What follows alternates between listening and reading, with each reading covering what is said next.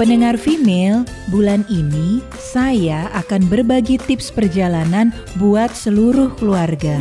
Female Travel Journal with Claudia Kauna.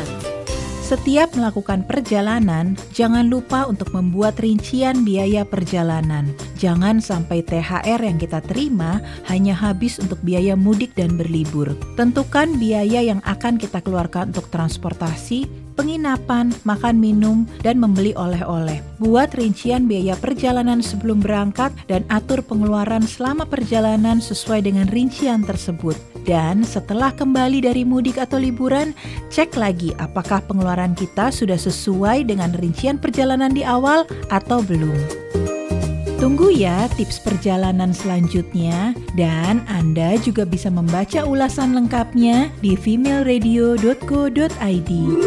Female Travel Journal with Claudia Kauna.